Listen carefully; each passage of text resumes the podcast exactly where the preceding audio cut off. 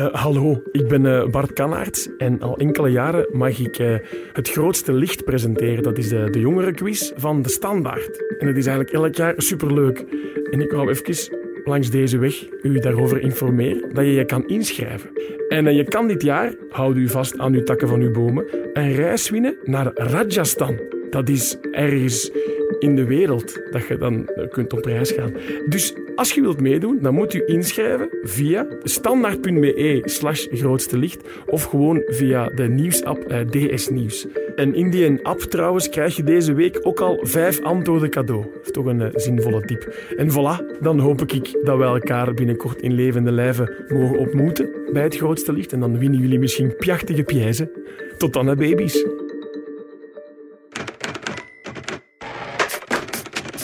DS Audio. Journalistiek om naar te luisteren. Is er eigenlijk nog wel iemand die dit land wil regeren? De vraag dringt zich stilaan op, negen maanden, oftewel meer dan 270 dagen na de verkiezingen. Alle deelstaten hebben regeringen, maar federaal is zelfs maar het begin van een regering nog altijd niet in zicht. Is België op? Het is donderdag 27 februari. Mijn naam is Niels de Keukelare en van de redactie van De Standaard is dit DS Audio.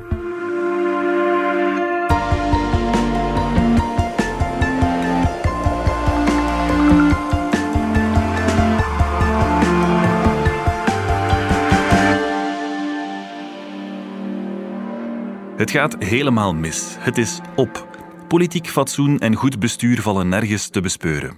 Dat stond vorige week in de krant in een column van veteraan Guy Tegenbos. Niemand wil dit land nog regeren, stelde Guy Tegenbos vast. En meer dan negen maanden na de verkiezingen is het inderdaad moeilijk om dat niet vast te stellen. Maar de vraag is maar of dat snel zal veranderen. In een interview met De Morgen zei oud-premier Yves Leterme dit weekend nog dat we op de limieten van het Belgisch model zijn gebotst. En N-VA-voorzitter Bart de Wever die zei in het laatste nieuws België is al tien jaar dood. Als het nuttig zou zijn, zei de Wever ook, zou hij wel bereid zijn als premier in de wedstraat 16 te gaan zitten, maar dan wel dik tegen zijn goesting. Guy Tegenbos, jij draait al sinds de jaren 70 mee, je hebt al veel gezien en gehoord. Hoe verbaasd ben jij als je zoiets leest? Een politicus die zegt dat hij alleen dik tegen zijn goesting premier wil worden. Dat is toch het hoogste politieke ambt. Ja, maar het is natuurlijk Bart de Wever. En Bart de Wever is niet zo grote fan van het land België, dat weet je ook. Hm. Twee voelt hij zich natuurlijk uh, heel goed in Antwerpen en gaat dan niet zo graag naar Brussel en niet zo graag naar uh, de federalen of andere regeringen. Maar we kunnen niet omheen om de vaststelling dat we nu al 270 dagen na de verkiezingen nog geen enkel spoor van een mhm. federale regering mhm. in het zicht hebben. En eerlijk gezegd duurt het al veel langer, want het is al meer dan 420 dagen dat we geen volwaardige regering hebben. Wat Yves Leterme zegt, de voormalige premier, die ook zo eens een periode van 541 dagen de regeringloosheid achter de rug heeft. Wat hij zegt is eigenlijk juist, de Belgische structuren zijn op. Mm Er is daar niet meer mee te regeren. Nee. Ik denk dat we niet om die vaststelling heen kunnen en ook onze partijen zijn uitgeleefd. België is uitgeleefd en we komen niet meer tot overeenstemming. Nee, we zitten op meer dan 430 dagen op dit moment. Dat is al meer dan een jaar. Ja, maar ondertussen hebben we wel deelstaatregeringen gekregen. Hè? Mhm. Ook iets later dan verwacht. Dat ging ook iets moeizamer na de verkiezingen. Maar we hebben die wel en die draaien ondertussen. En in alle eerlijkheid, als je naar het budget kijkt, in omvang van het bestuur zijn die groter dan de federale regeringen. Ja, maar federaal zitten we nog niet op het juiste pad en jij vindt dat politiek onfatsoenlijk. Ja, er is geen bestuur. Hm. Je ziet de begroting naar beneden donderen. Het tekort is opgeklommen tot 11 en zal tot 12 miljard opklimmen. Mhm. Dat we ooit eens ergens moeten bezuinigen. Dus alle bezuinigingsmaatregelen van de vorige regering zijn al niet gedaan. Mhm. Dat is toch niet goed? Wij hebben een klimaatplan nodig. Europa staat aan onze deur te bonken en wil een klimaatplan. We zijn niet in staat om dat te formuleren tientallen andere dingen. Onze arbeidsmarkt moet hervormd worden. Er is nog nooit zo'n groot tekort geweest op de arbeidsmarkt als vandaag. Hmm. Daar moet een federale regering dingen aan doen, maar dat gebeurt niet. Hmm. Dus dit is de burgers in de steek laten, dit is het land in de steek laten, dit is bedrijven in de steek laten. Dat is niet goed. En dat is de definitie van een particratie natuurlijk. Dat is geen democratie die bezig is met wat het volk aanbelangt, maar een particratie, partijen die met zichzelf bezig zijn en hun eigen positionering. Ja. Jan-Frederik Abbeloos, chef politiek van de Standaard. Deel jij die analyse dat het de partijen zijn die de regering in de weg zitten en dat dat onfatsoenlijk is? Ja, het is in elk geval uh, niet goed. Het zou dringend een regering moeten komen om alle redenen die Guy net heeft uh, opgesomd. De tragiek is een beetje dat het, als je het bekijkt vanuit elke partij afzonderlijk die aan tafel zit, dan is het volstrekt logisch waarom zij zich opstellen zoals ze zich opstellen. Mm Wetende dat ze bijna allemaal slaag hebben gekregen bij de verkiezingen en dat ze vooral vrezen er nog veel meer te zullen krijgen wanneer ze aan de slag moeten met al die lastige dossiers in een coalitie waar ze niet van overtuigd zijn dat die vlot gaat lopen. Nee. Maar doordat elke partij zo denkt, ja, geraak je dus zelfs nog niet aan de start mhm. van onderhandelingen. En dat wordt stilaan toch wel uh, gênanter en gênanter om te moeten gaan uitleggen in het buitenland, maar ook uh, aan de burger. Ja. Je hoort van de politici wel eens dat de verantwoordelijkheid bij de kiezers ligt. Dat zijn wij onder andere ook. Uh, Wij hebben de kaarten zo moeilijk gelegd. Wat moeten we daarvan vinden? Wel, het klopt in die zin. Dat is een analyse die ook al snel na de verkiezingen is gemaakt. Onder andere ook in een uh, dubbel interview bij ons in de krant met grondwetspecialisten Hendrik Vuijen en Mark Uitendalen. Hm. En dat is dat de kiezer heeft natuurlijk altijd gelijk, maar het is inderdaad zo dat hij het speelveld vernauwd heeft. Je hebt 150 kamerzetels waar je kan mee spelen om een meerderheid te vormen. 1 op 5 zit bij ofwel extreem links of extreem rechts, waar geen meerderheden mee gevormd worden. Mhm. Dus dat maakt het gewoon mathematisch moeilijker. En daar komt dan nog eens dat Belgische niveau bovenop, waarbij je het liefst een meerderheid wil aan elke kant van de taalgrens binnen die federale regering, maar dat lukt ons al niet sinds 2010 om mhm. dat te doen. Breng die twee samen en ja, iedereen zit daar een beetje de kwadratuur van de cirkel eh, te bedenken. En dat eh, is eh, op papier onmogelijk. Wat wel opvalt, zelfs na meer dan een jaar zonder federale regering, ik heb de indruk dat alles toch gewoon blijft draaien. Hoe komt dat eigenlijk? Wel, ehm, er zijn veel automatismen in onze samenleving ingebed natuurlijk. We zitten in een zeer moderne samenleving waar lonen uitbetaald worden, uh, waar pensioenen verder uitbetaald worden, waar heel veel blijft draaien, waar mensen blijven werken, s morgens nog altijd naar hun werk gaan. Dus die machinerie draait wel. Mhm. Meer zelfs, eh, het planbureau is zeer optimistisch wat de economische groei betreft. Eh, die ziet er plots beter uit dan een jaar geleden. Dus die machine draait. En in die zin was het uh, zelfs opvallend dat vanuit VOCA, de werkgeversorganisatie, vorige week het geluid kwam. Ja, die regering, voor ons is het veel belangrijker of die Duitse economie aantrekt. Ja. Waardoor dat je bijna meteen de karikaturale limieten ziet van wat een federale regering in België nog kan doen in een mhm. geglobaliseerde wereld. Maar, en dat is dan wel een zeer grote maar, veel van die uitgaven die we nu aan het doen zijn en die automatisch gebeuren, ja, die gebeuren wel allemaal op de POF. Dat is een factuur die op dit moment niet gedekt is, mhm. maar die ooit wel zal moeten gelicht worden en die iemand zal moeten betalen. En op dit moment uh, maken we onszelf wijs dat dat dus niet het geval is. Mm Zijn er ook zaken waar het absoluut niet draait op dit moment? Wel, er zijn een aantal departementen waar het begint te nijpen. Er is bij geen enkel rechtbank nog in dit land die bij wijze van spreken een extra nietjesmachine mag kopen, omdat ze allemaal vasthangen aan een zeer vast uitgavenpatroon dus er mag kort gezegd niets meer buiten gaan dan dat er vorig jaar buiten ging. Mhm. Dus dat zijn allemaal gesloten enveloppes bij alle federale overheidsdiensten. Dus als daar is een extra uitgave plots zich uh, voordoet, ja, dan hebben ze daar het geld niet. Dus zoals een gezin dat onder budgetbeheer van het OCMW valt en dan plots vaststelt dat de auto kapot is, ja, die auto kan dus niet vervangen worden. En dat geldt voor alle federale hm. overheidsdiensten op dit moment ook. Een ander voorbeeld is de gezondheidszorg, waar men de vorige regering een hervorming had ingezet. Die valt dan stil en gebeurt er meer dan een jaar lang niks. Dit, dit kan niet. Hè. Dus die ziekenhuizen die rammelen een beetje op dit ogenblik. Hè. De financiering loopt niet zoals het moet. En de sociale zekerheid als tweede punt, dat stevend regelrecht af op een massaal tekort. Hm. Daar moet je toch een oplossing voor vinden.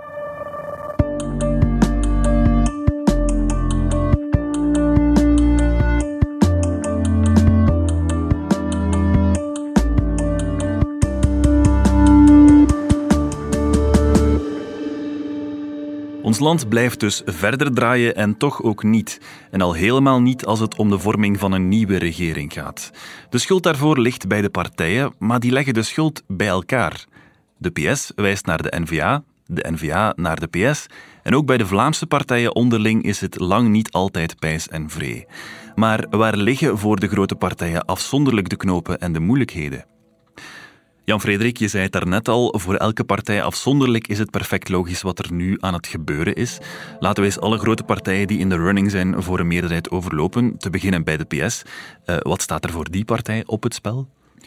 Wel, de PS zit in de, een beetje de bijzondere positie dat ze er altijd bij zijn. Hm. Er is op dit moment nog geen meerderheid uitgetekend op papier zonder de PS. Dat is mathematisch al heel moeilijk om te doen, omdat je dan ook weer water en vuur moet gaan verzoenen. Maar het rare is voor de PS dat zij heel hard hopen op die Vivaldi-regering. Hm. Dat is dus een regering met en uh, liberalen, groenen, uh, socialisten plus CD&V. Maar dat ze eigenlijk al een paar keer de kans daartoe zelf wat de nek hebben omgevrongen. Paul Magnet, voorzitter van PS, die was zelf uh, aan zet als informateur.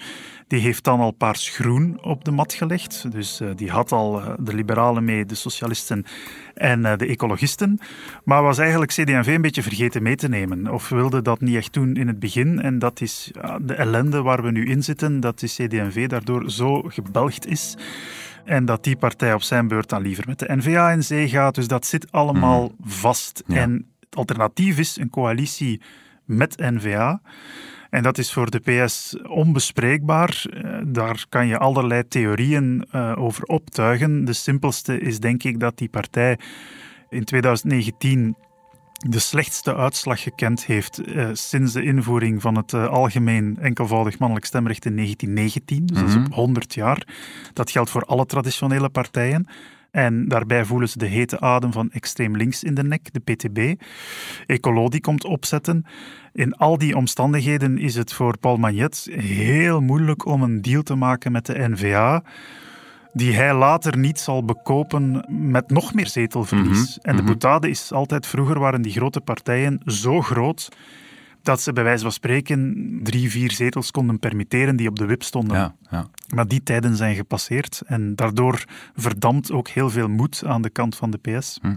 Plus de PS heeft zich nooit meer geprofileerd als een partij voor België. Hè. De PS heeft zich geprofileerd als Waalse partij, mhm. die zich afzette tegen Vlaanderen en vooral tegen de NVA. En die daar zeker geen coalitie mee zou vormen. Zo heeft ze campagne gevoerd. Dan is het natuurlijk moeilijk om achteraf te zeggen: nee, wij zijn niet voor Wallonië, wij zijn voor België. Nee, nee, wij zijn de partij die een compromis gaat zoeken met de NVA. Dat is uiterst moeilijk. Zeker als je opgejaagd wordt, zoals Jan-Frederik beschrijft, door, door die PTB en door Ecolo. Mm en de NVA heeft het daar omgekeerd ook moeilijk mee dan? Ja, tuurlijk. Dus de NVA heeft uh, niet gezegd dat zij de partij is die België gaat redden. Hè. Hm. Zij heeft gezegd dat zij grotere autonomie wil voor Vlaanderen. CQ een, een, een bijna totale autonomie of confederalisme. Zij heeft gezegd dat zij absoluut een rechtsbeleid wil en absoluut geen coalitie wil sluiten met de hm. PS, want dat hm. is linksbeleid, dat moet ze niet hebben. We moeten een rechtsbeleid hebben. Dus niemand heeft hier ooit nog gekandideerd voor we mm -hmm. moeten voor België een goed lot uh, vinden. Ik ben de partij die, die een compromis zal vinden met de Franstaligen. Dat heeft nooit iemand gezegd. Hm. Dat heeft ook aan de andere kant nooit iemand gezegd. Dus je botst met je eigen publiek. Als je nu gaat zeggen, we gaan in het belang van België een coalitie sluiten met, oei, de vijand. Hm. Ja, dat is uh, ook iets om dan toch even, uh, laat ons zeggen, het op te nemen voor Paul Magnet. Hè. Die loopt al maanden bijna tot zijn eigen grote frustratie in de wedstrijd te verkondigen. Ja, geloof hem niet. Die Bart de Wever die, die doet maar alsof hij nu het licht heeft gezien, de Rubicon wil oversteken, met mij een deal wil maken. Dat is niet waar. Hij heeft het nooit gewild, hij zal het nooit willen. Maar hij doet maar alsof, omdat ja, zolang dat dat proces loopt, dat maakt hem niet uit. Dat, uh, dat bewijst de blokkering, zeg maar. Hè. Hij zal altijd de hand uitsteken, weten dat daar niets in zit. En ik zal altijd degene zijn die zal moeten zeggen, het gaat niet. Hmm. Dit is de versie Paul Magnet. En dat is uh, ja, twee weken terug tot een kookpunt gekomen. Dat hij zei, Jean Neymar, ik ga dit spel, dit dupe spel niet blijven spelen. Waarbij ik altijd degene ben die moet zeggen, ik wil niet, ik wil niet. En Bart de Wever, degene die altijd tot het einde van zijn dagen zal beweren dat hij toch zo meende met de vorming van een federale hmm. regering. Ja, en dat is dan de overkant. Hè. Dus Bart de Wever zegt, ik was bereid om een compromis te sluiten, ik was bereid om te mhm. praten, ik was bereid om... Enzovoort, ja. Maar hij wil niet, hè, zie je wel, hij wil het einde van België. Ja. Ja. Maar dan zat de Wever even in moeilijkheden, want dat wil hij eigenlijk ook. Ja, voilà. ja, wat bij N-VA wel opvalt, als er sprake is van een regering zonder N-VA, dus die zogenaamde Vivaldi-coalitie, eh, dan is Bart de Wever in alle staten, maar premier worden, enkel als het echt nodig is, wil hij wel doen zei het wel dik tegen zijn goesting. Ja, maar goed, ik denk, je moet dat interview toch met een dikke handleiding lezen. En die handleiding heet uh, Prins van Machiavelli. Wat Bart Wever nu doet, is in functie van uh, de oppositiekuur die wacht of de nieuwe verkiezingen die wachten. Hm. Hij weet dat hij geen regering gaat vormen met de PS. Ja. En dan helpt het natuurlijk om, om het onderscheid te maken met Vlaams Belang door toch altijd te herhalen dat jij wel een serieuze gesprekspartner bent. Je hm. gaat toch het eindspel België niet in handen geven van Tom van Grieken en die club. Nee, ik, Bart de Wever, ik ben daar wel toe bereid. Ik ga dat op een serieuze manier doen, maar uiteraard nooit door Vlaanderen te laten uitverkopen. Dat is Terwijl die andere Vlaamse partijen, dat zijn allemaal sloebers, die kan je niet vertrouwen. Die zullen voor een bord linzensoep uiteindelijk toch wel een deal maken met Paul Magnet. De CD&V nu nog niet, maar geef ze nog twee weken en ze zijn ook gekeerd. Dat is eigenlijk het beeld dat de Wever nu al in de markt zet. Mhm. Dus hij wint altijd. Ofwel komt die Vivaldi-coalitie er en dan zal hij zeggen: Ik heb het altijd al gezegd, uh, iedereen heeft weer de Vlaming verraden, behalve de NVA. Ofwel gaan we naar verkiezingen, dan heeft hij zich nu ook al gepositioneerd als de partij waar je moet op stemmen, mhm. om die zo sterk mogelijk te maken, om dan dat finale akkoord met de PS te gaan onderhandelen. De vraag is of dat, dat moment er zal komen, hè, want de Wever beweert nu wel dat Magnet achter de schermen al tot enig inzicht is gekomen. Maar eigenlijk hebben we geen enkele manier om dat te controleren of te verifiëren. Als we kijken naar Open VLD dan, die zijn ook nodig in de twee coalities die mathematisch mogelijk zijn. Hè. Dus paars-geel of Vivaldi, dus paars-oranje-groen. Waar ligt voor die partij de knoop? Wel, eigenlijk klopt dat niet in die zin dat zij bij Paars-Geel kunnen gewipt worden door CD&V. Dat hmm. bemoeilijkt ook nog eens heel de puzzel. Eh, Vivaldi is helder. Dat weet je nu tenminste al welke partijen er rond de tafel zullen zitten als die formule op het tapijt komt. Paars-Geel zelfs niet. Open VLD heeft 12 zetels, CD&V heeft 12 zetels. Je kan die perfect inruilen en je hebt nog altijd een meerderheid aangevuld met MR, PS, SPA, NVA. Hm. Dus dat maakt ook dat daar rond de tafel bijzonder veel animositeit is. MR die Open VLD erbij wil, maar dan de NVA die absoluut dan toch liever CD&V wilt, want Open VLD, dat zaakje vertrouwen ze niet meer. Dus ook dat zit weer sloot. En daarbij komt bij Open VLD dat ze het denk ik op dit moment zelf niet weten. Ze zitten verwikkeld in een voorzitterstrijd waarvan we sinds maandag weten dat uh, huidig voorzitter Gwendoline Rutte geen kandidaat meer is. Mm Het wordt dus vermoedelijk ofwel Egbert Lachaert ofwel Bart Tommelijn. En hoewel ze het zelf niet willen, personaliseren zij eigenlijk elk een soort formatie. Lachaert die staat gekend als de man van Paarscheel. Mm. Bart Tommelijn uh, hij zal het tegenspreken, maar dat wordt min of meer de kandidaat van Vivaldi.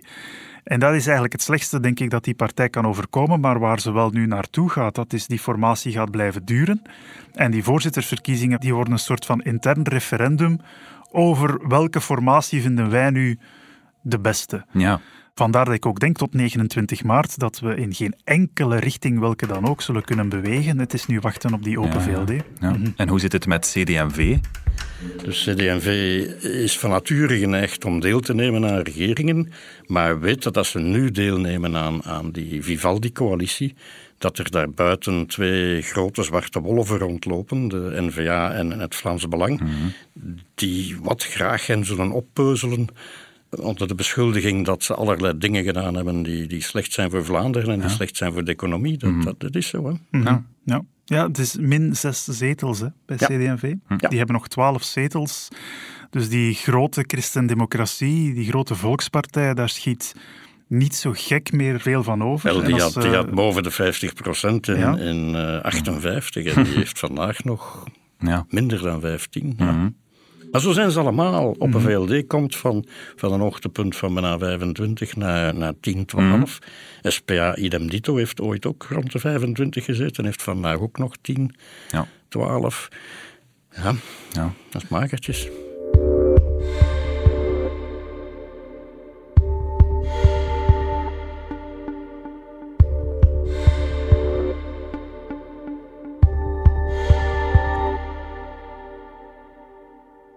Als het voor alle partijen zo moeilijk ligt en er na meer dan negen maanden nog altijd niet het begin van een oplossing is, hoe hoopvol moeten we dan zijn dat het de komende dagen, weken en maanden uh, anders wordt? Totaal niet hoopvol. Ik denk dat ook. Dus men, men is nog altijd bezig om te proberen regeringen te vormen op basis van ideologische overwegingen op dit ogenblik. Mm. Dus paars, geel en, en ja. paars, groen en, en, allerlei combinaties van ideologieën. En dat lukt ideologieën, niet? Uh, nee. nee. die bovendien uitgeleefd zijn. Hè. Dus kiezers die switchen van rechts naar links, dat het een lieve lust is, en naar extreme partijen en komen weer terug enzovoort. Hmm. Dus die ideologieën zijn ook uitgeleefd. En dus het enige wat ik mogelijk zie, maar ik denk eerlijk gezegd dat dat zelfs niet gaat lukken voor de vakantie. Het enige wat ik mogelijk zie is dat men switcht van Welke vakantie bedoel je hier? De grote, de grote zomervakantie. dus uh, wat men moet doen is uh, van paradigma veranderen. Een regering vormen op basis van ideologische grond, dat lukt niet meer. Mm. Want dat zal nog maanden duren en mm. men dat toegeeft. Dus moet je regeringen vormen op wat ik noem positionele gronden. Op grond van posities die je inneemt. Ja. Hoe wordt de Brusselse regering samengesteld? Een meerderheid aan Franstalige kant plus een meerderheid aan Vlaamse kant. En dat is de Brusselse regering. Mhm. En zie maar hoe dat je het doet. Mhm. Je zou een federale regering kunnen vormen op grond van de coalities die er bestaan in de Vlaamse regering en in de Waalse regering. En dan is het niet PS die met NVA moet samengaan, dan is het de Vlaamse regering en de Waalse regering die samen een federale regering vormen. Mhm. En toevallig zit een NVA daarin en toevallig zit de PS daarin. Maar dat is maar toevallig met twee regeringen. Vroeger hebben we het altijd omgekeerd gezegd. Hè. Dus men zei altijd dat de deelstaatregeringen de afspiegeling moesten zijn van de federale regering. Dan kon je goed regeren. Laat ons dan nu eens omdraaien en laat ons zorgen dat de federale regering de afspiegeling is van de deelstaatregeringen. Mhm. Dat is wat ik noem het Brussels model andere oplossing is het Zwitsers model, waarbij men een federale regering samenstelt met mensen uit de grootste partijen. Ja. De allergrootste die krijgt er twee en de tweede grootste krijgt er ook twee. En dan drie, vier en vijf die krijgen één vertegenwoordiger. En die regering, maar ja, die doet de federale discussies. Dan moet je natuurlijk zorgen dat uh, ideologisch moeilijke thema's, dat die van de federale tafel verder verdwijnen. Dat bijvoorbeeld de sociale zekerheid nog veel meer naar de deelstaten gaat dan mhm. nu het geval is. Mhm. En dan kun je buitenlandse zaken, veiligheid, financiën en dat soort dingen, kun je nog federaal besturen. Dat is het Zwitsers model. Ja. Je moet toegeven dat dit model dat we nu gebruiken, dat dat uitgeleefd is. En ten tweede zit je met het probleem dat onze partijen ook uitgeleefd zijn. Vroeg of laat zullen we daar ook wel eens een oplossing voor vinden? Of zal dat wel geboren worden, zoals dat in Frankrijk gebeurd is, zoals dat in Italië gebeurd is? Dat er nieuwe partijen ontstaan. Ja.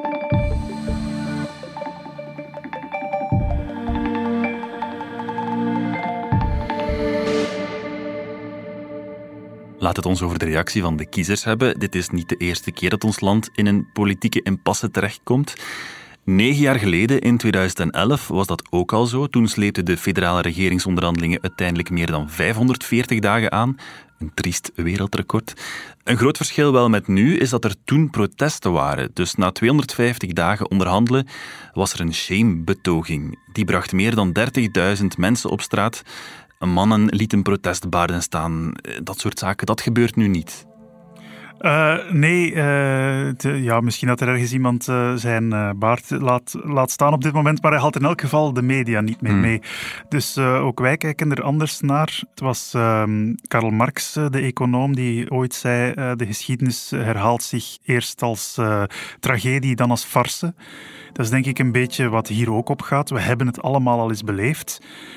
Er zijn twee reacties. Ofwel ga je ervan uit, het zal wel weer goed komen, zoals in 2011. En mhm. dan moet ik niet panikeren. Ofwel overheerst, laten we zeggen, de apathie.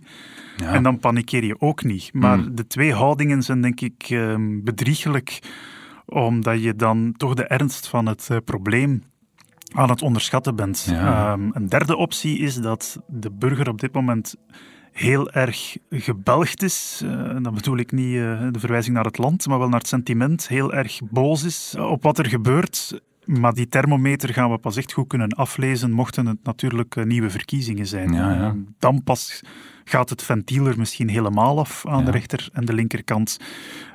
En dat is dan weer een extra reden waarom zelfs die ontsnappingsroute vandaag de dag afgeblokt is. Hè? Want oké, het lukt niet, laat ons allemaal naar de kiezer teruggaan en die kan de kaarten herschudden. Maar ook daar zie ik niet het begin van een meerderheid die dat zal aandurven. Dat zal waarschijnlijk leiden naar meer stemmen voor de extremen. En dat mhm. maakt het nog moeilijker van een federale regering te vormen. Maar er is nog iets anders. Waarom is aan de 541 dagen vorige keer een einde gekomen? Niet omdat de burger protesteerde, dat deed hij, nu niet meer. Maar dat was omdat de ratingbureaus België begonnen te bedreigen. De renten op onze openbare schuld die ging de hoogte in, omdat Ja. de ratingbureaus zegden dat we geen betrouwbaar land meer waren. Ja.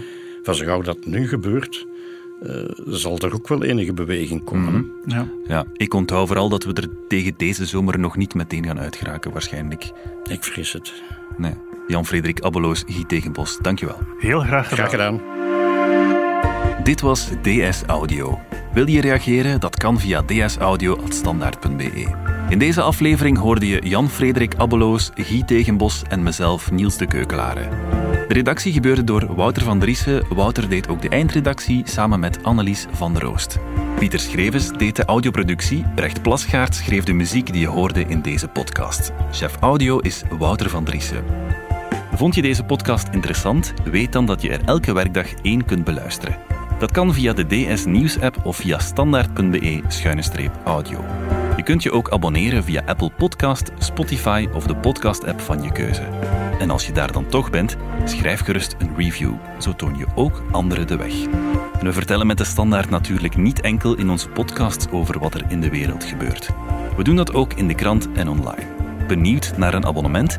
Ga dan zeker eens kijken op standaard.be-voordelig. Daar ontdek je ons aanbod en onze promoties. Maandag zijn we er opnieuw.